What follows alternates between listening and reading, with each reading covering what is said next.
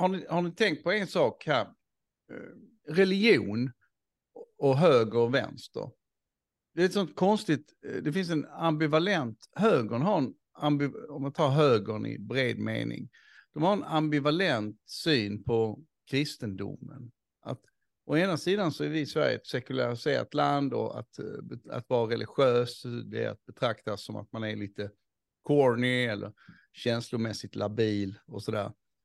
Den nya högern som har växt fram, den, den har ett ambivalent, konstigt förhållande till kristendomen.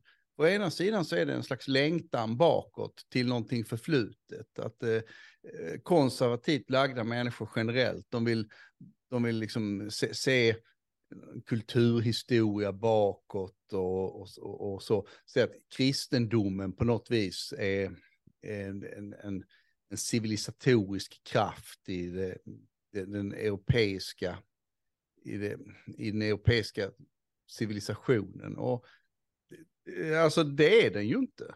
Det är precis tvärtom. Alltså humanismen, upplysningen, förnuftet, det grekerna kallar logos. Och det, det är ju det är på många sätt antitesen till kristendomen.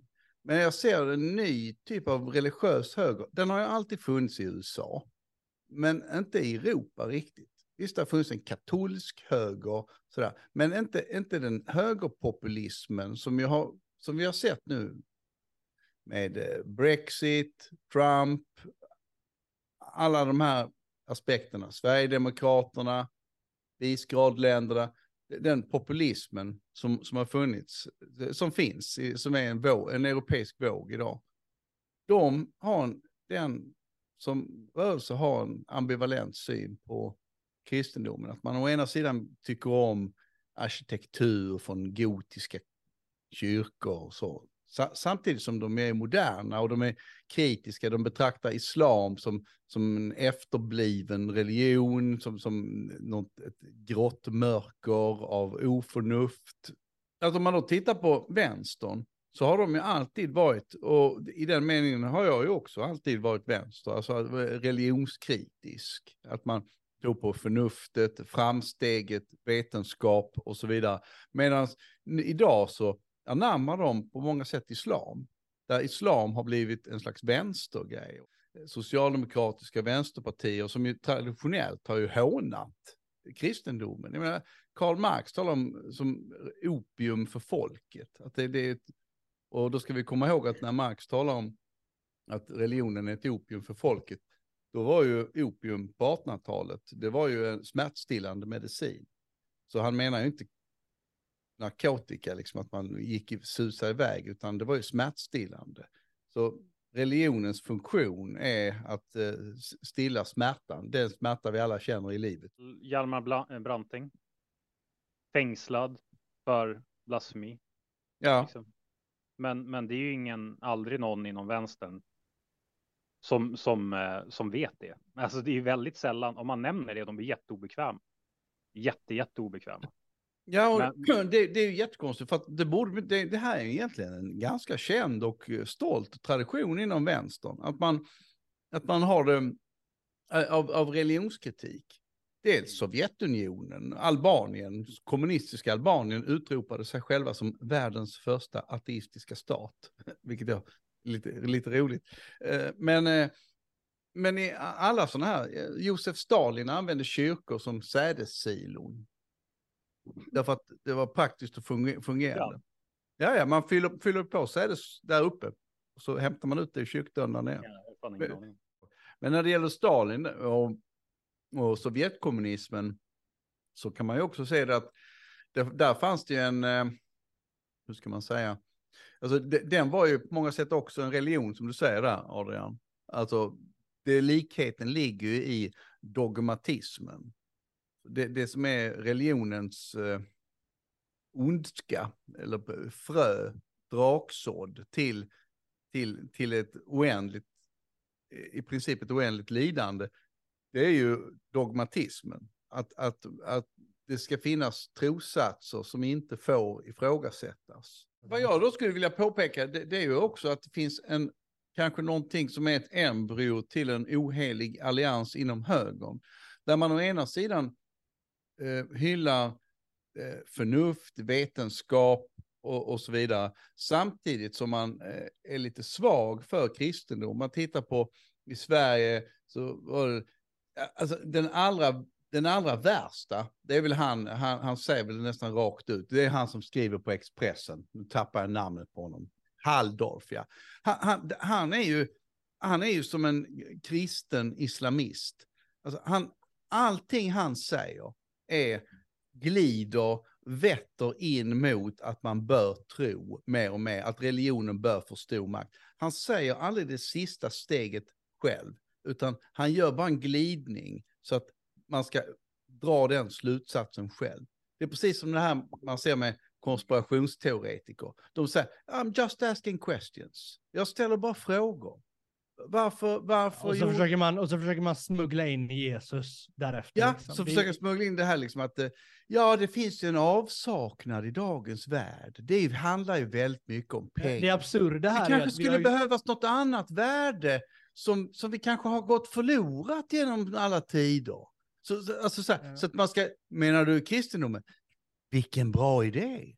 Eh, alltså, det är väldigt, så, väldigt, så gör väldigt han mycket hela jävla tiden. Alltså, det egentligen är det enklaste tricket i boken. Du vet här, när du vill få en chef att göra som du vill. Det är att man ska låta honom tro att han har kommit på lösningen.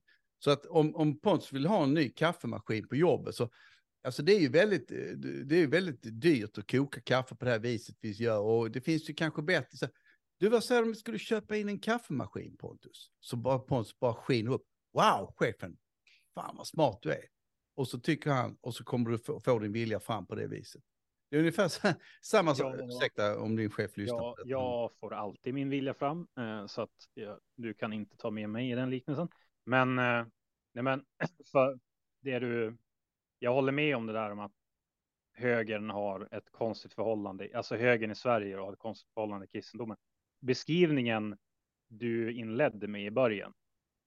Alltså hur, ja men de ser tillbaks på det gamla med positiv känsla och, och kyrkan och så vidare. Alltså jag är ju så. Alltså jag har varit sån i alla fall. Och jag, jag, alltså mycket på grund av mitt, eh, alltså mitt arv eller min släkt. Min morfar var typ kristen. Alltså jag minns han hade en stor jävla fet bibel hemma hos sig som han tog fram ibland. Eh, vi var i kyrkan en del. Eh, han pushade väldigt mycket på att jag ska konfirmera, eh, konfirmera mig eh, och allt sånt där. Eh, så att jag kan, jag kan som, jag, jag får ju liksom så här eh, hemmakänslor, eller du vet, känslan av hemma när jag ser en kyrka. Men du Men vet samt... ju vad som tog dig ur det. Ja, det, det, det var faktum ju... att du tillhör arbetarklassen. Ja. Ja, det är klart. Ja, men det är ju faktiskt då. Är du ställningsbyggare så bryr du dig inte så jävla mycket om Jesus. Nej, nej, så är det. Det materiella påverkar du såklart. Eh, men, men eh, jag vet, jag, är också så ambivalent förhållande till kristendomen. För jag är så här, jag, jag, när jag ser en svensk kyrka så, så ser jag till exempel kyrkan jag blev döpt i, Burträsk kyrka då är jag glad när jag ser den. Men samtidigt så när jag går in i en kyrka och jag hör en präst prata och jag minns när, när jag konfirmerar mig när, när prästen pratar om, du vet när hon talade i nästan, du vet, trans. Så här, ja, och san, san, men framförallt sanningsanspråken är ju något man vänder sig med. Ja, men så jag, jag har som svårt att sätta finger på det, men jag minns bara när jag stod där som 13-åring och lyssnade på det där och jag bara, alltså det här är det här är fan creepy. Det är någonting som inte står rätt till. Eh, men, men, samtidigt så var det ju så att man kunde då liksom inte bara gå till morfar och säga du vad, alltså, vad är det här för jävla skit? Men, men. Eh, men du vet Pontus, alltså de, här, det du beskriver nu, det är ju också ritualer och riter och vanor som är som på många sätt har blivit avsakraliserade. Ja.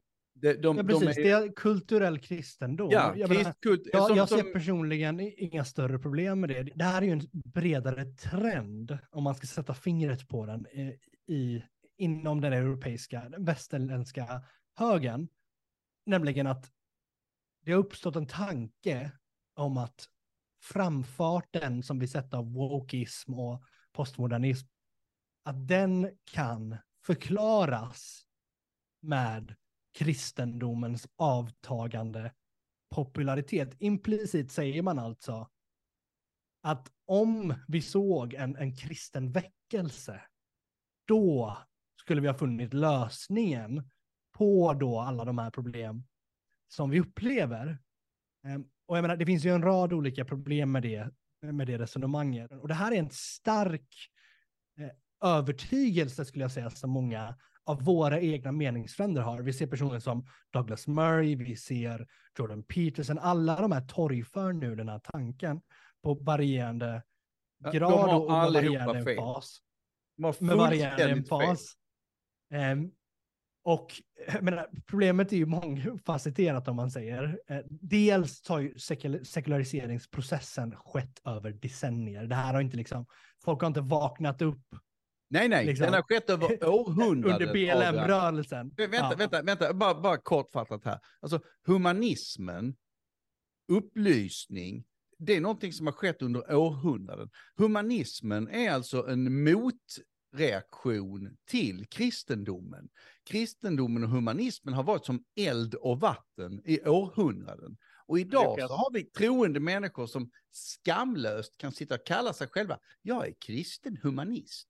Det är som att vara en judevänlig nazist. Det är helt, det är löjligt.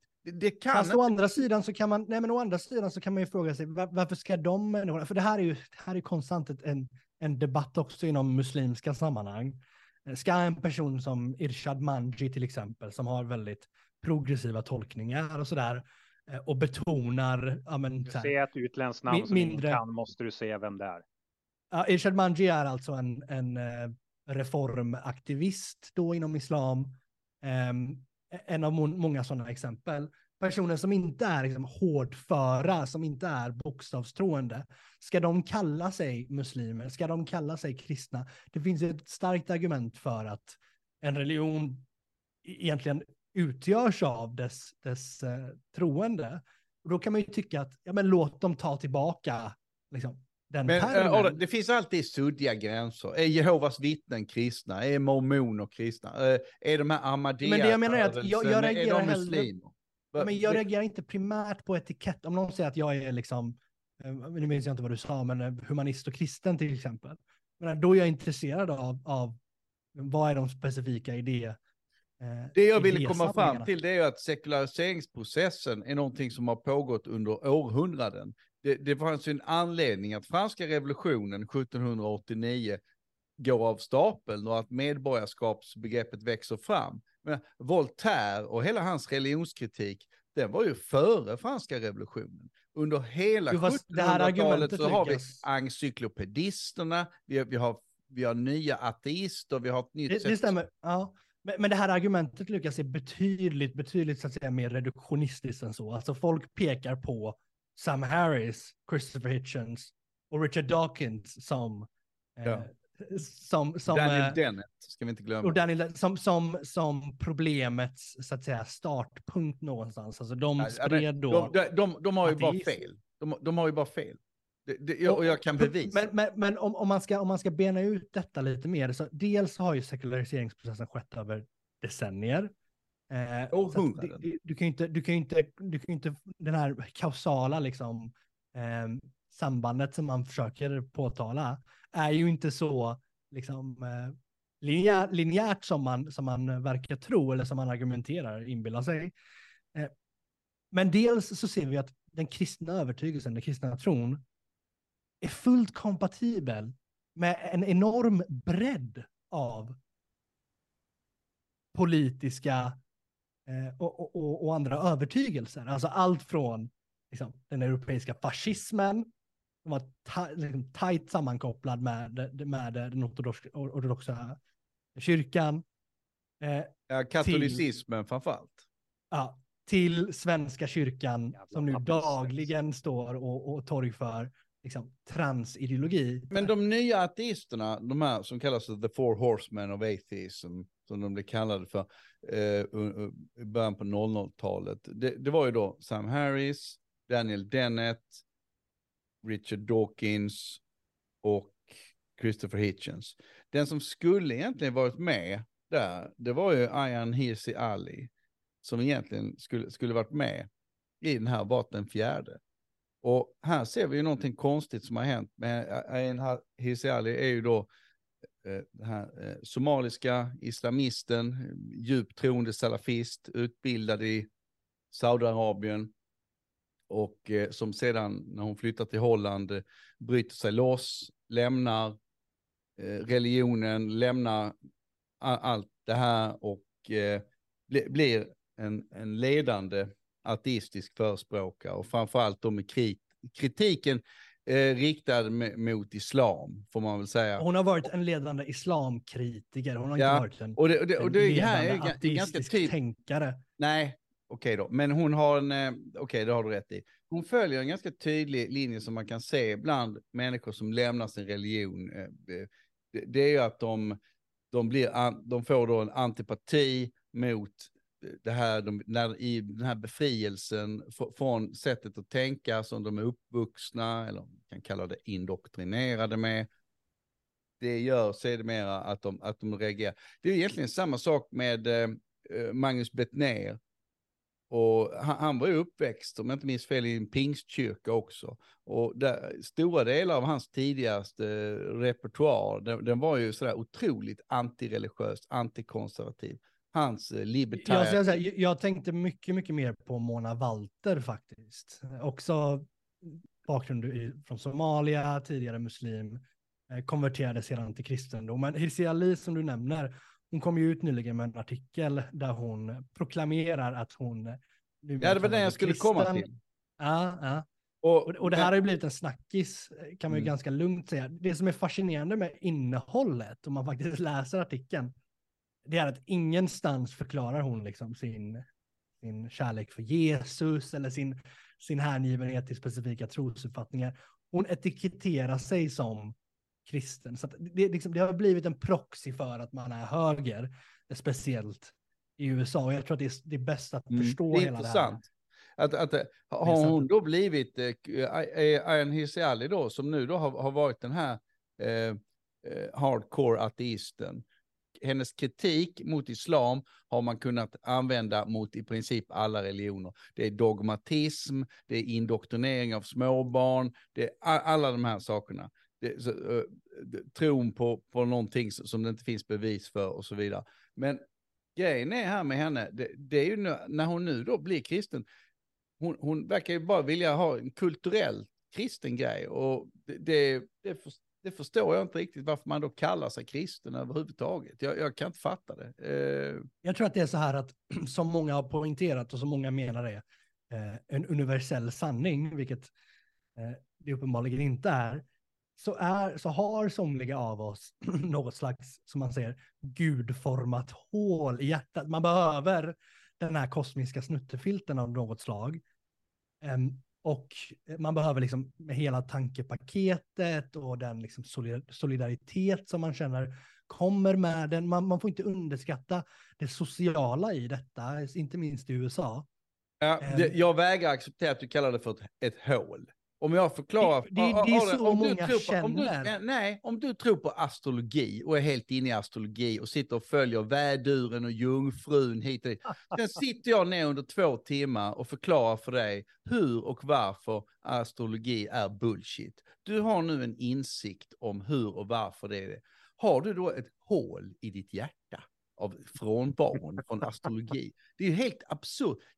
Det mänskliga psyket fungerar inte på det viset. Men, men, alltså, ja. Alldeles uppenbarligen så känner ju många så. Alltså, så. Eh, Nej, de känner en längtan efter någonting. Förlåt, kör ja. på. Ja. Facts don't care about your feelings. Och så vidare. Eh, ben Shapiro, som också spårat ur totalt sedan Israel-Palestina. Men, eh, men, men för, bara för att återgå till det där med humanismen och, och kristendomen. För det, det där vänta. har jag fått höra. Mm. Va? Jag kör, kör. Nej, men för... Jag vill bara säga en sak, Ben Shapiro. Han sitter då och säger, facts don't care about your feelings. Jag tycker själv det är en ganska bra eh, fras, det är, det är, en bra eh, pisksnärt liksom. Men Ja. han, han, om man tittar på det, vad fan, han, han går runt med en kippa, han, han, han, han liksom tror att jorden är, han är väl mer eller mindre, nära nog bokstavstroende på så vis att han tror att jorden är 6000 år gammal. Han, nästan, han ligger där att det, han är öppen för det typisch. Och, och så. Och jag menar, han tror Ja. på fullt allvar att Moses har gått upp på ett berg i Sinai och tagit emot två stental. Det är inte en metafor, det är inte något sådär. Nej, nej, han tror det på riktigt. Då- då- Men då- han, hans känslor är, är värdefulla, Lukas. Ja, nej men det, det är ju det här som är det, är det, som är det absurda. Och han, han åker runt då och eh, liksom, eh, han åker runt och argumenterar mot eh, 19-åriga woke-studenter liksom i nordöstra USA. Ja, wow, vad svårt för en 40 plus. Och han verkar alltid möta totala sopor hela tiden. Ja, men också det här att han, är uppenbarligen, han talar snabbt, han är uppenbarligen intelligent. Eh, Det är inte så säkert svårt att göra en smackdown på en 20-årig student liksom som, som eh, har problem med, med, med sin identitet va? Och, och säga någonting smart där. Men om du tittar på Ben Shapiro när han hamnar i en debatt med folk som är filosofiskt skolade Eh. kring de här frågorna, då förlorar han ju P- Piers Morgan, han, Piers Morgan, Morgan, han hade en intervju med honom för, kan det vara två år sedan? Någonting, ett och ett halvt år sedan? Nej, inte, kan vara ännu längre sedan. Där eh, han, han satte väl typ dit Ben Shapiro i princip. Och han blev, så- alltså, han blev skitlack. Och typ halvlämnade ja, samtalet. Det finns en debatt som är tio år gammal också. De är i, den är någonstans i, från, i Kalifornien där han debatterar med eh, Sam Harris och någon till. Och det, alltså det är bara skrattretande. Han, han, han, det går ju inte. Han har ju inga argument. Det var bara ett undantag där. med- Men, men, Ja. men, men min, min grej var, var bara för att jag har fått höra det där av flera, bara nu senast igår, eller förrgår. Och jag har fått höra det under väldigt många år. Så här, ja, men anledningen till att vi har upplysningen, vetenskapen och rationalitet, det rationella tänkandet, det är ju kristendomen. Ja. Inget kunde vara mer felaktigt. All Varför? form av förändring till kristendomen så, till det bättre under de senaste århundradena har kommit utifrån. Det har varit en relentless kritik from the outside som har tvingat kyrkan att ändra sig. Bertrand Russell re redde ut alla de här begreppen på 1920-talet en gång för alla. Det finns liksom ingen tvekan om det. De har blivit tvungen att adaptera hela tiden, att anpassa sig kyrkan. Det är därför de har blivit det. Och vi ser ju hur den bara fortsätter att göra det, till, inte minst Svenska kyrkan. Den ligger ju alltid precis i en slags snällismlinje eh, där man hela tiden, det är ju därför Svenska kyrkan idag, är liksom det viktigaste är ju att vara feminist, typ.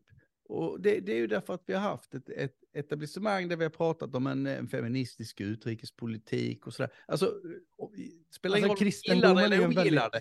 Låt oss anta att det här är jättebra. Det är ändå någonting att de hela tiden måste ligga i någon slags fåra där. Ja, alltså skulle, Ja, du, alltså- skulle, du gå, nej, skulle du gå på en kongress på sossarna, gå kongress i kyrkan, du skulle inte se någon skillnad i åsikter.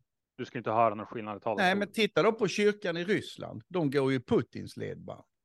Jag har inte fått höra, jag, jag vet ju, jag, jag, jag har ju läst texter om det, men jag, jag har ju fort, fortfarande inte fått höra något argument. Varför är inte avsaknaden av kristendomen en orsak till wokism?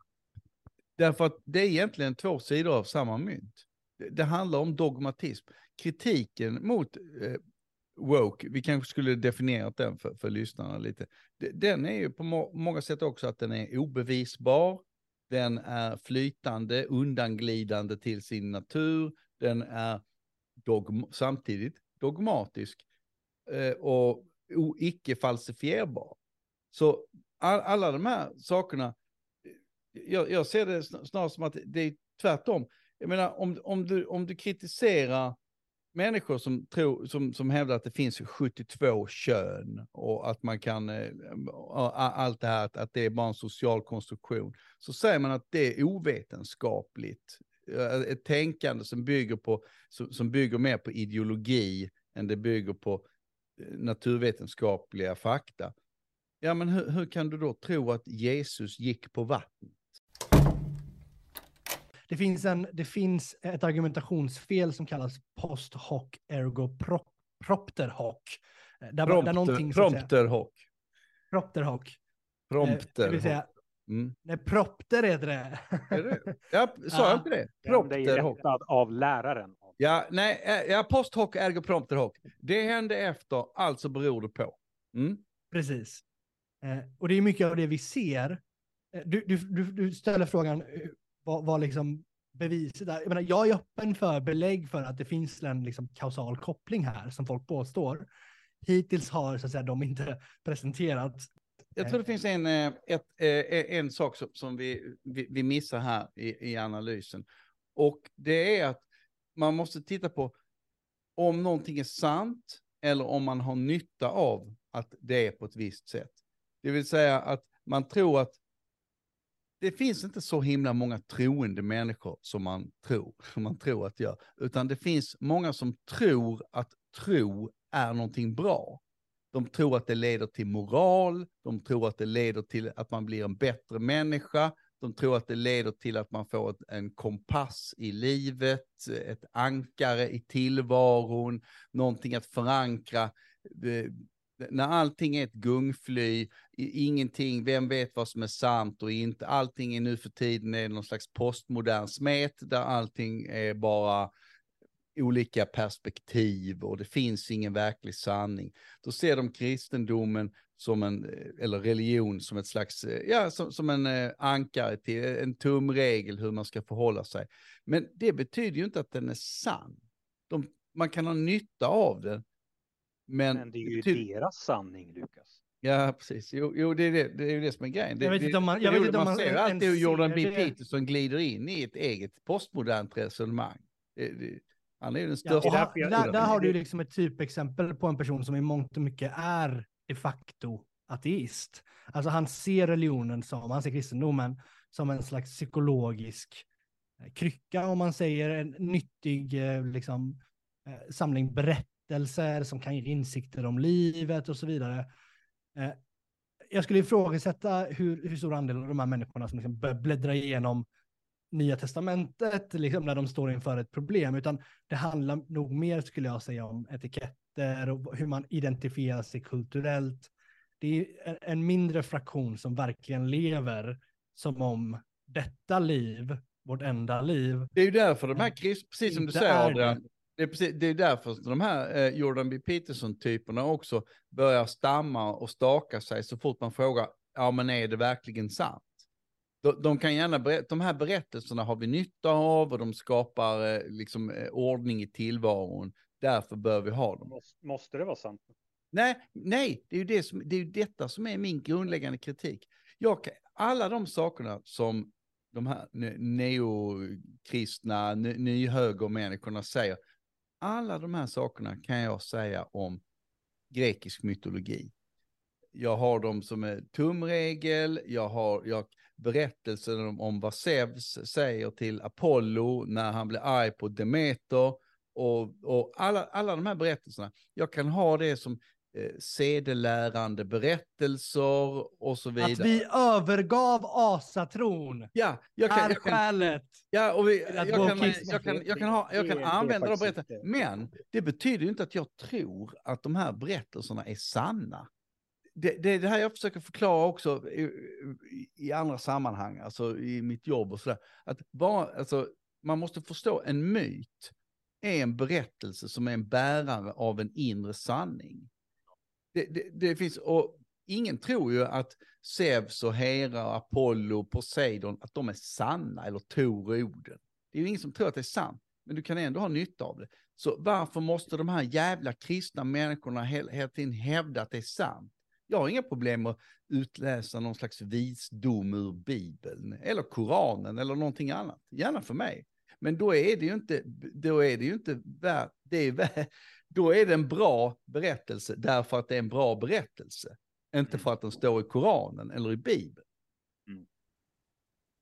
Ja, jag, jag tycker bara det är, det, det är någonting, jag ska inte säga sjukt obehagligt, men jag, jag tycker bara att det är, om, din, om ditt självförtroende grundar sig i eh, att en, eh, en högre makt, eh, eller att du, du, gudsfruktan, för det är ju det vad det handlar om. Om, om din moral grundar sig utifrån Guds fruktan fruktan av en högre makt, Alltså jag litar, jag skulle inte, jag skulle inte vilja sitta ensam i ett rum med dig. Absolut inte. Om hela din moral grundar sig utifrån rädsla. Ja, okej. Okay. Då, då ligger vi ganska långt. Jag vet inte. Jag tycker, nu kommer säkert massa kristna säga att det är en handgubbe. Jag tycker inte att det är en handgubbe. För att man säger att Gud, är det, Gud har skapat moral. Okej, okay om Gud har skapat moralen, varför, varför följer du moralen? Mm. Ja, för om jag inte följer moralen, då straffar Gud mig. Ja, ja men då är du ju rädd för Gud. Okej, okay, om bara ta... Vi vet bara, dessutom evolutionspsykologiskt, vi vet alltså moralen föregår och föregår alla kända religioner. Moral är någonting som vi som flockdjur måste ha. Ja. Det är inget konstigt. Schimpanser. Det, det, var inte som att man fick liksom budorden där på Mount Sinai och sen mm. innan mm. dess så tänkte man att så här, det var helt okej okay att volta och mörda och eh, så vidare. Ja, men alltså, det, det, här är ju bara så här rent, eh, ta det på så här småbarnspappa-nivå, typ den nivån jag klarar av nu med tanke på lite, lite man får sova på nätterna ibland. Det är så här, okej, okay, jag vill lära min son eh, vikten av eh, moral. Jag gör det genom hot eller att han ska vara rädd för mig. Är det så man ska lära en son att respektera en eller att lära någonting överhuvudtaget genom rädsla? Nej, den freudianska analysen av religion är ju just det här Gud som ja. den stränga överfadern. Ja, men, men det är ju det som är, det är det som är så jävla korkat för att de kristna jag känner, de skulle ju fortfarande inte mörda och inte döda ifall de från en dag till en annan bara insåg att nej, men alltså jag kanske inte är så jävla troende ändå. Alltså, nej, så det, det, är mer en slags, eh, det är som säger, det, det, de vill ha något rättesnöre i livet, det finns en romantik. Vilket är helt okej, okay. jag tycker att folk kan ha det, men kom liksom inte och säga att vi ska bedriva hela våran överlevnad för nationen Sverige. Och, genom att vi ska, vi ska återgå till det oket vi har kastat av oss för generationer sedan. Och precis, grejen är att lite grann är det ju också så med, om vi tittar på det där som vi nu kallar som ett samlingsnamn för woke. Det är ju också en form av religion på så att det skänker en tröst och allting. Ja, men precis som alla sådana här 20-åriga eh, tjejer med rosa hår och ringar, de skyller allting på patriarkatet. Liksom, allting i deras liv som är ett problem är liksom patriarkatet. Det, det är en sån enkel, endimensionell uh, catch em all phrase. Det, det, det, och det, det som är problemet. Ja, vet ni vad som skänker mig tröst? Nej.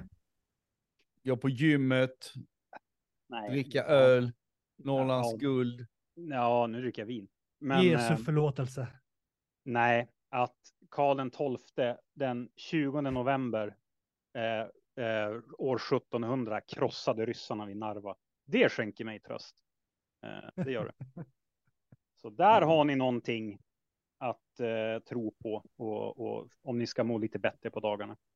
Det är att Karl den tolfte krossade ryssen numerärt underlägsen deluxe. Men man vann ändå. Ja, så, här går det. så här går det när man blir ateist. Då, är det, då dyrkar man Karl den tolfte istället. Det, ja. det här är risken.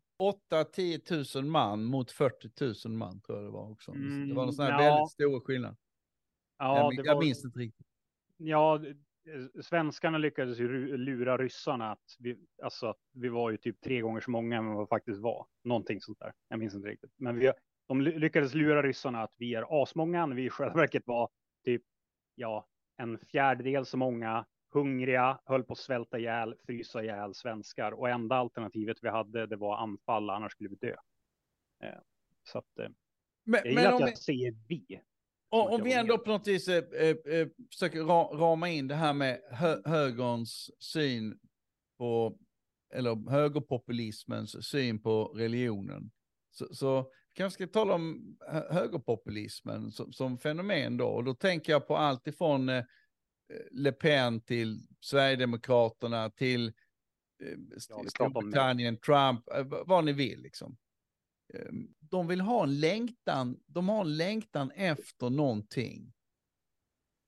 Som, som, som de, de vill använda Europa som ett bålverk mot, mot islam och hela det här hotet. Man ser de här eh, över Medelhavet, invandringen.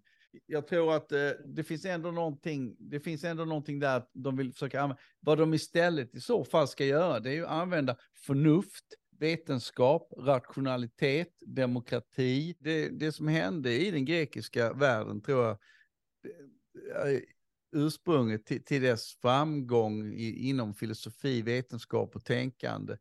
Det var ju också den här egenheten att å ena sidan så är det isolerade öar.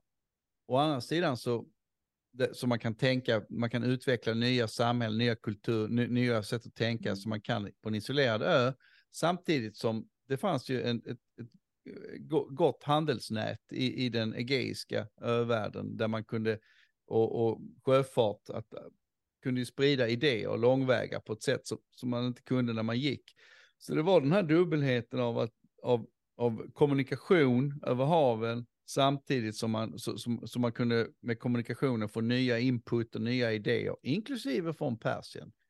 Men också att du lever på en isolerad ö. Och det är den här dubbelheten lite grann som jag tror är, är viktigt för att kunna utveckla ett förnuftigt tänkande. Vi kan ju se det lite grann som på institutioner och på universitet eh, runt om i världen. Att å ena sidan ska de köra sin egen grej, att det här universitetet gör detta och detta och detta. Samtidigt som man har ett utbyte med varandra. Att man, att man också kan, kan träffas och mötas, men man också har sin egen tradition jag, jag tänkte, för, för det här har ju gått eight shit på, på sociala medier, det som hände igår. Om uh, när Ulf Kristersson hade något så här öppet politiskt möte. Berätta. Mm. Vad sa du? Ja, berätta. Vad, vad, vad, vad kontext? Ja, Ulf, Ulf Kristersson hade då något sånt där uh, fan vet jag, AV slash övrig medelklass politiskt öppet möte, frågestund, fruktstund, jag, jag vet inte fan. Men det var bara så random i någon lokal och då hade då tydligen några Palestina eh, vänner eller vad man nu ska kalla det, Hamas eh, eh sympatisörer fått nys om det där. Eh, och så skapades det en sms-lista, sms-kedja om det där. Och så lyckades de eh, organisera en demonstration ad hocigt sådär bara. Och så sen gick de in i lokalen och typ började skrika och leva, li eh, leva rövare och hålla på.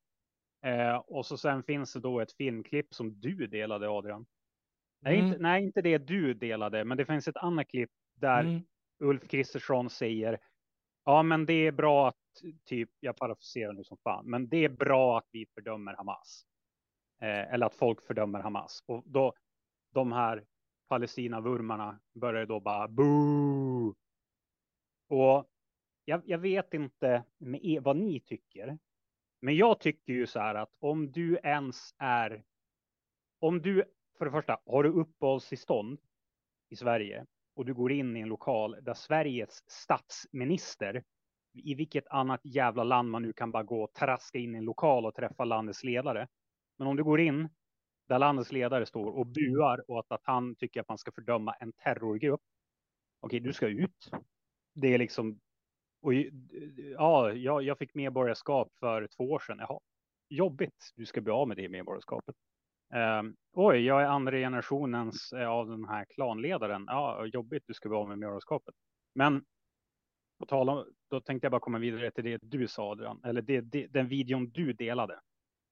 Mm. Då är det ju då filmat från publikens håll, så att säga. Där då man hör dem bua, man hör dem skrika och så är det då flera individer ur den här publiken som börjar då börja kaos och bli utdragna av polisen och väktare eller vad det är.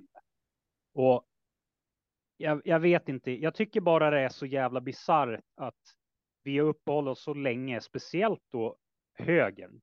Jag ska då inte säga kanske Sverigedemokrater, men moderater, liberaler, kristdemokrater har varit så här fanatiska i debatten kring Israel och Palestina. Men man har fan totalt jävla missat att vi har ett jävla inrikesproblem. Eller man har inte missat det, men det är inte som att man direkt har fokuserat på det senaste månaden. Vi har ett rejält säkerhetspolitiskt hot inrikes. Och där, därför ber, men, men, men jag vill bara prata lite grann om reaktionerna från speciellt de moderater. kanske, eller borgare överhuvudtaget. Oliver Rosengren skrev en, en väldigt, tyckte jag, träffsäker faktiskt, eh, tråd eh, om utvecklingen, där han också Vad går var in hans på... slutsats? Ja, men hans slutsats är att vi behöver riva upp medborgarskap. Vi behöver välja vilken slags civilisation vi vill bygga. Eh, och vi behöver eh, göra tuffa val, som man kallar det, och sådär. Och, och, och, Ja. Pratar vi eh, bara då om bara dubbla medborgarskap eller folk som bara ett medborgarskap? Nej, utan, som- utan han talar om indragna medborgarskap med statslöshet som konsekvens. Okej. Eh, Även Tuffa folk förslag, eh, jag bara invända språkligt, tuffa. Det, jag tycker Göran Perssons eh, eh, ordval är bättre. Skarpa förslag. Man alltid Ja. Ja. Så att den här väckelsen finns också i moderata kretsar. Jag menar, Oliver Rosengren har ju... Då är de jävligt tysta. Alltså, det måste jag ändå säga. Då är de jävligt tysta. Ja, ja okej. På, det- på, på det exemplet du nämner, då, kan jag, då vet jag två. Annars så, Mm.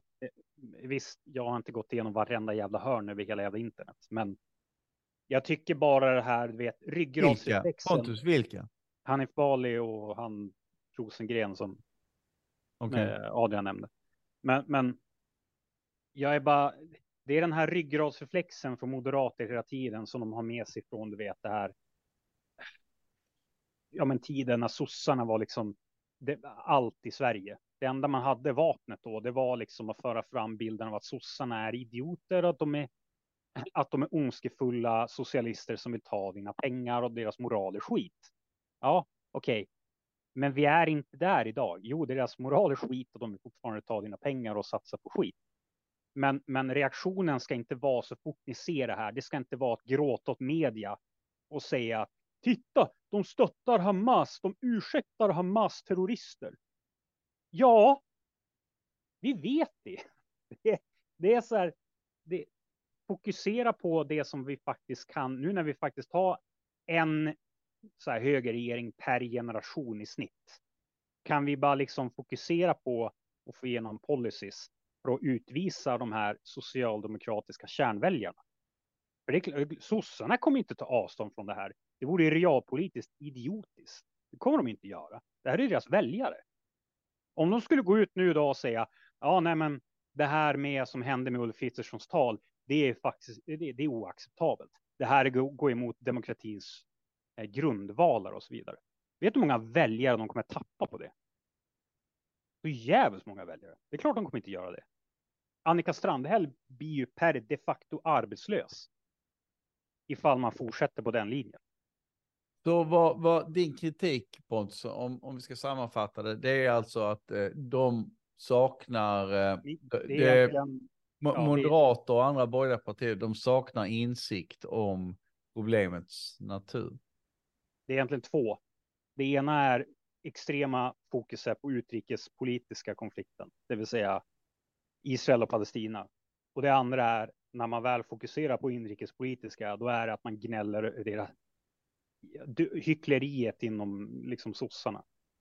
Ja, vi vet att de är hycklare. Vi vet att, de är maktsökande parasiter. Vi vet det. Så fokusera på. Jag, jag vill bara, jag, till exempel, jag tror det var Rickard Jomshof som retweetade dig, Adrian. Han skrev, kan vi bara Mm. komma överens om att de här ska ut ur Sverige? Det är det. Alla, den poletten måste liksom trilla ner för allihopa. Det är det alla ska retweeta. Ivar Arpi skrev det för en och en halv, två veckor sedan gällande han Mikael Yüksel. Eh, pa- partiet Nyans före detta, före detta centerpartisten. Han som går alltid ut och provocerar på X hela tiden. Att ja, svenskar är rasister, vi ska ha mer islam, bla bla bla, ja, bla bla bla. En av våra bästa valarbetare. Ja, nej men när Ivar Arpi bara skrev så här rakt ut, så bara, varför har vi våra fiender här? Varför tillåter vi att våra fiender existerar i vårt land?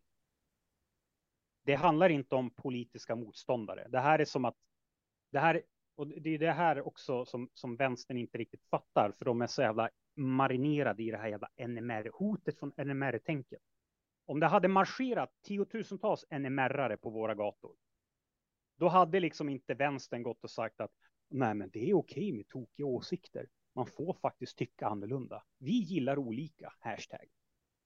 De hade inte... Ja, Strandhäll tyckte ju att det var, det var statsministerns fel. Han, kunde inte, han kan inte inspirera tillräckligt mycket sammanhållning. Det är därför de här människorna väljer att Nej, sabotera, och- nej, infiltrera ett allmänt, en allmän Exakt. sammankomst. Exakt, och hade det liksom, nu, nu, nu, nu, nu låter jag som en jävla idiot när jag sa tidigare att vi ska inte fokusera på sossarnas hycklande och nu gör jag det ändå. Men bara för liksom förstå så här hur, hur situationen är att det är att om NMR hade varit en demo, stor demografisk, en stor andel av demografin i Sverige och ett, ett rejält hot mot inte bara inte, inte bara liksom yttrandefriheten utan institutionerna. Man infiltrerar institutionerna, man startar friskolor, man startar, eh, men, man, man infiltrerar kommuner, regioner, man tjänar, de tjänar pengar på det. De går ut på gatorna med NMR-flaggor och, och skriker det, precis som Palestina-sympatisörerna eh, gör Hamas-sympatisörerna gör. De hade inte liksom gått och sagt att det är viktigt att stå upp för liberala principer om yttrandefrihet. De hade gjort allt i sin makt för att klanka ner på det och slå ner på det med statens fulla våldsmonopol. Varför Mm. gör inte vi det? Jo, för vi har borgare som fokuserar på det är precis det jag gjorde. Istället för att liksom prata där, för jag vet ju att alla de här moderaterna, Det blir en del av det politiska spelet. ja exakt, Ja. det, blir bara, det blir bara så här, ja nej men jag, jag ska skaffa massa följare och, och likes på sociala medier, nu måste jag skriva om det här. Det är så här, jag, jag, Jag jag måste-. Om man ska pivotera lite kort där, en tankefigur som stör mig och ett slags mantra som jag ser upprepas, inte minst eh, från Ulf Kristerssons sida, det är att, och också från Sverigedemokratiskt håll, det är att Sverige ska inte vara en arena för internationella konflikter, säger man. Exakt. Väldigt kategoriskt, säger man. Ja. Och jag håller alltså inte med. Jag tycker inte det är träffsäkert nog överhuvudtaget. Jag menar, enligt den logiken, då är liksom måndagsrörelsen, manifestationen för Ukraina eller för Israel, diverse konflikter som är viktiga för västerländsk sammanhållning, låt säga, eller kampen mot islamismen.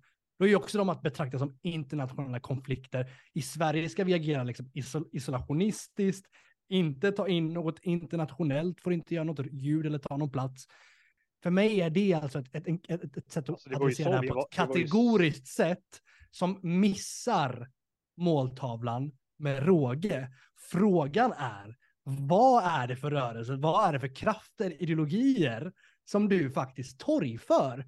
Och jag menar, Ulf Kristersson använder sig av den här tråpen för att kategorisera koranbränningar och Palestina-vurmare, Hamas-sympatisörer, i en och samma korg. Så att man ska ju inte hamna i den här fällan av att köpa det, svälja det med hull och hår. Ja, Sverige ska inte vara en arena för internationella konflikter. Det beror alltså på vilka konflikter och vad det är man torgför.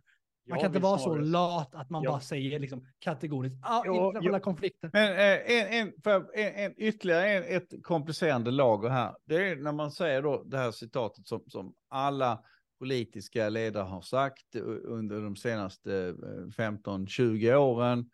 Eh, Stefan Löfven, Reinfeldt, eh, Ulf Kristersson, alla, de, alla säger så här, vi ska, Sverige ska inte vara en, om vi då tar det citatet, Sverige ska inte vara en arena för det här. Och, eller det här är oacceptabelt och det här, det här, så, så här får det inte vara. Och att, alla, alla de här fraserna. Men ingen ställer frågan, nej okej, men om det inte ska vara, vad ska vi göra då när om, okej, Sverige ska inte vara en arena för utländsk, eh, utländska konflikter. Låt oss anta det ändå, då, Aden. Håll, håll Men tanken där. Inser Ja, men du vänta, hur vänta, vänta, kognitivt lat man är om man Ja, säger som Ulf Men, Kristersson jo, jo, precis. det ska inte vara det. Men vad händer då om det är det? Vad gör vi då? Den frågan vill ju ingen svara. Det här är oacceptabelt. Jo, men menar, Med, inte människor som- Antisemitismen i Malmö är oacceptabel. Ja, men vad ska Och vi göra med den? Då händer ingenting. Då är det bara så här, ta avstånd, göra en broschyr, skapa ett, ha ett fackeltåg mot rasism och sånt. Det, det, det är ju ingen som gör Det är ju inte folk som kämpar för liksom pygméernas rättigheter eller Israels rätt till självförsvar eller ex existensberättigande. eh, eller liksom manifestera mot Du är inte eh, rasistisk mot dvärgar. nu, islamismen, låt säga, som är, som är problemet. Utan det är alltså att vi har separatister i landet, människor eh, som instämmer med den islamistiska liksom, världsuppfattningen och vill dit. De Ja, vill det är helt samma enkelt så mål. att eh, de är... Specifika problem. Och, och för mig så, så börjar det här, det här börjar landa hos högern på samma sätt som den här tropen, den här pseudoanalysen om wokeism och religion håller på att landa hos Det ska inte landa Adrian, det ska krascha. Det måste Det Det, detta, problemet är ju att rörelser, Adrian, som du säger, som inte har sin bas Ja, har, jag varit, har jag varit tydlig nu vad jag förklarar? Ja, Ja, upplysning, svara förnuft, rat, upplysning, förnuft, rationalitet, logos. Det är rörelser som på något vis anser sig själva i en maktordning ligga över det. Det är de som ska stoppas och det är de som är fienden. Det är ju därför som det, jag inte skulle ha några problem med att jag kanske inte per se har problem med någon religiös skola, friskola. Jag är emot det, det är jag. Bara så for the record. Men problemet är ju om du har en islamistisk skola där barnen lär sig att islam står över den västerländska demokratin. Och här är det, det är de skolorna som ska stängas ner. Det på samma och självklart även i de få kristna skolor där så är fallet. Det finns bland annat ett känt fall här, Plymouthbröderna har någon skola i Småland. De ska stängas ner av exakt samma skäl. Därför att i deras världsbild, Plymouthbröderna, så finns det en maktordning där Gud, det vill säga deras föreställning om Gud, det finns ju ingen Gud, men som de skulle själva beskriva det, Gud står över den Haram. svenska staten. Men det gör den ju inte. Och religionsfriheten står inte heller över den svenska, svenska staten. Nej, men alltså det, det här med att säga att vi inte ska tillåta. Du säger att det är intellektuellt lat eller kognitivt lat eller vad du sa, att man inte ska tillåta utländska konflikter. Det, Att, att Det- man slänger sig med kategoriska uttryck som att Sverige ska inte vara en arena för internationella konflikter. Ja, det finns alltså en, ett stort spektrum av internationella konflikter, många av vilka är relevanta och viktiga också för svenskar, också för Sverige. det finns, det finns, det finns exempel på när vi har haft konflikter i Sverige. Ta till exempel liksom. Eritreanerna i somras. Ja, det och det. Jag tänkte ännu mer tillbaks, du vet när vi inte var ett mångkulturellt shithole, tänkte jag på. Men eh, typ baltutlämningen. Tänk, tänk er baltutlämningen. Det var ju ändå en konflikt. Det var det. Men vi hade inte tiotusentals ryssar på våra gator som liksom krävde det här för att annars jävlar. Vi hade liksom inte tiotusentals, hundratusentals eh, baltstatare som liksom kaosade på grund av det här. Och vad är det jag vill komma till? Jo, återigen, demografi är allt. Sverige är en arena för internationella konflikter på en, en skala som vi aldrig har sett förut på grund av demografin. Det är klart vi kan hantera internationella utländska konflikter på vår mark. Om det är in, på en rimlig nivå. Om vi har liksom så här det, om, om vi har, eh, om vi hade haft typ 10 000 araber här, totalt i hela Sverige. Hade det här varit ett problem? Nej. Hade Israel och Palestina-konflikten varit ett problem? Då hade vi liksom haft 500 araber, 1000 araber som hade gått ut på gatorna. Vad hade vi gjort med dem? Spärrat in. Ja, Nej, alltså, men i, det- i ett, samhälle, spelar- i, ett- i det- ett det samhälle också- med den typen av demografisk sammansättning så hade ju de alltså absorberats. Ja, och det spelar ingen roll. större- Det spelar ingen roll. Det, Det är det sant. här Jag, sa fel. Exakt. Mm. Det är sant. Det är sant. Det är helt sant. Eh, de, de, de, de hade ju bara liksom med Ja, men också att det, det spelar ju inte någon större roll. Alltså, det är bara att gå tillbaka små, till eh, liksom- Små liksom rännilar av olika grupper som finns eh, hit och dit. Det, det, det, det, det är ju... Det är ju som sagt, det är när du säger när det, när det blir att man börjar tala om det i tiotals procent av väljarunderlaget för sitt Ja. parti. Och, och vad, vad hade vi gjort? Och det här har ju du pratat om Lukas tidigare. Jag vet inte om du har pratat om när vi har spelat in, men vad hade vi gjort ifall vi hade haft en, en subs, alltså en, en, en tillräckligt stor andel av Sveriges befolkning som är ryssar eller har rysk bakgrund som går ut på gatorna och kör liksom så här kriget Ukraina, Ryssland mot Ukraina. Så hade man bara, oh yeah, fuck yeah, Putin, eh, fuck Ukraina, utrota Ukraina, Ukraina är rysk. Du vet, hela grund av Sverige, ska vi säga, mindre komplicerade historia med Ryssland. Så hade liksom svenskar en gått ut på gatorna och krävt de här packen ska ut. Vi har väl lite glömt bort de grundläggande delarna i vår, eh, i, i civilisationen som jag återkommer till då, upplysning, vetenskap, förnuft, att de, i och med att de inte finns nedskrivna i styrdokument, läroplaner, i det politiska samtalet och så vidare. Vi har i grunden så är hela det svenska, är, hela, hela världen ett system av suveräna stater. Ja, lite grann, vi pratar mycket om mänskliga rättigheter, konventioner, FN och deklarationer och EU-konventioner. Men i grund och botten så måste vi aldrig glömma att den svenska staten gör vad den vill. Exakt. Det, Exakt. Kina gör vad de vill. Iran gör vad de vill. Ungern gör vad de vill. Sverige gör, vi gör vad vi vill. Och det är därför som religionsfrihet aldrig någonsin kan vara ett argument mot den svenska staten. Därför att det är den svenska staten som ger, delar ut religionsfriheten till. Det, det, det, vad, vilken makt emanerar religionsfriheten från? Det är inte från Lukas, FN, det är inte från någon kosmisk sanning. Jo, utan, det är medfödda rättigheter. Ja, precis. Det, har du det här absurda, liksom. We hold these rights to be... In, alltså, det, det, det är ju inte så. Utan... Eh, ni som lyssnar på det här, vill ni någon gång få Lukas, om ni någonsin skulle träffa Lukas och ni vill få honom riktigt upprörd, prata om medfödda rättigheter, rättigheter eller prata om samer. Då. Mm. då ja, men det, ja, mm, tack.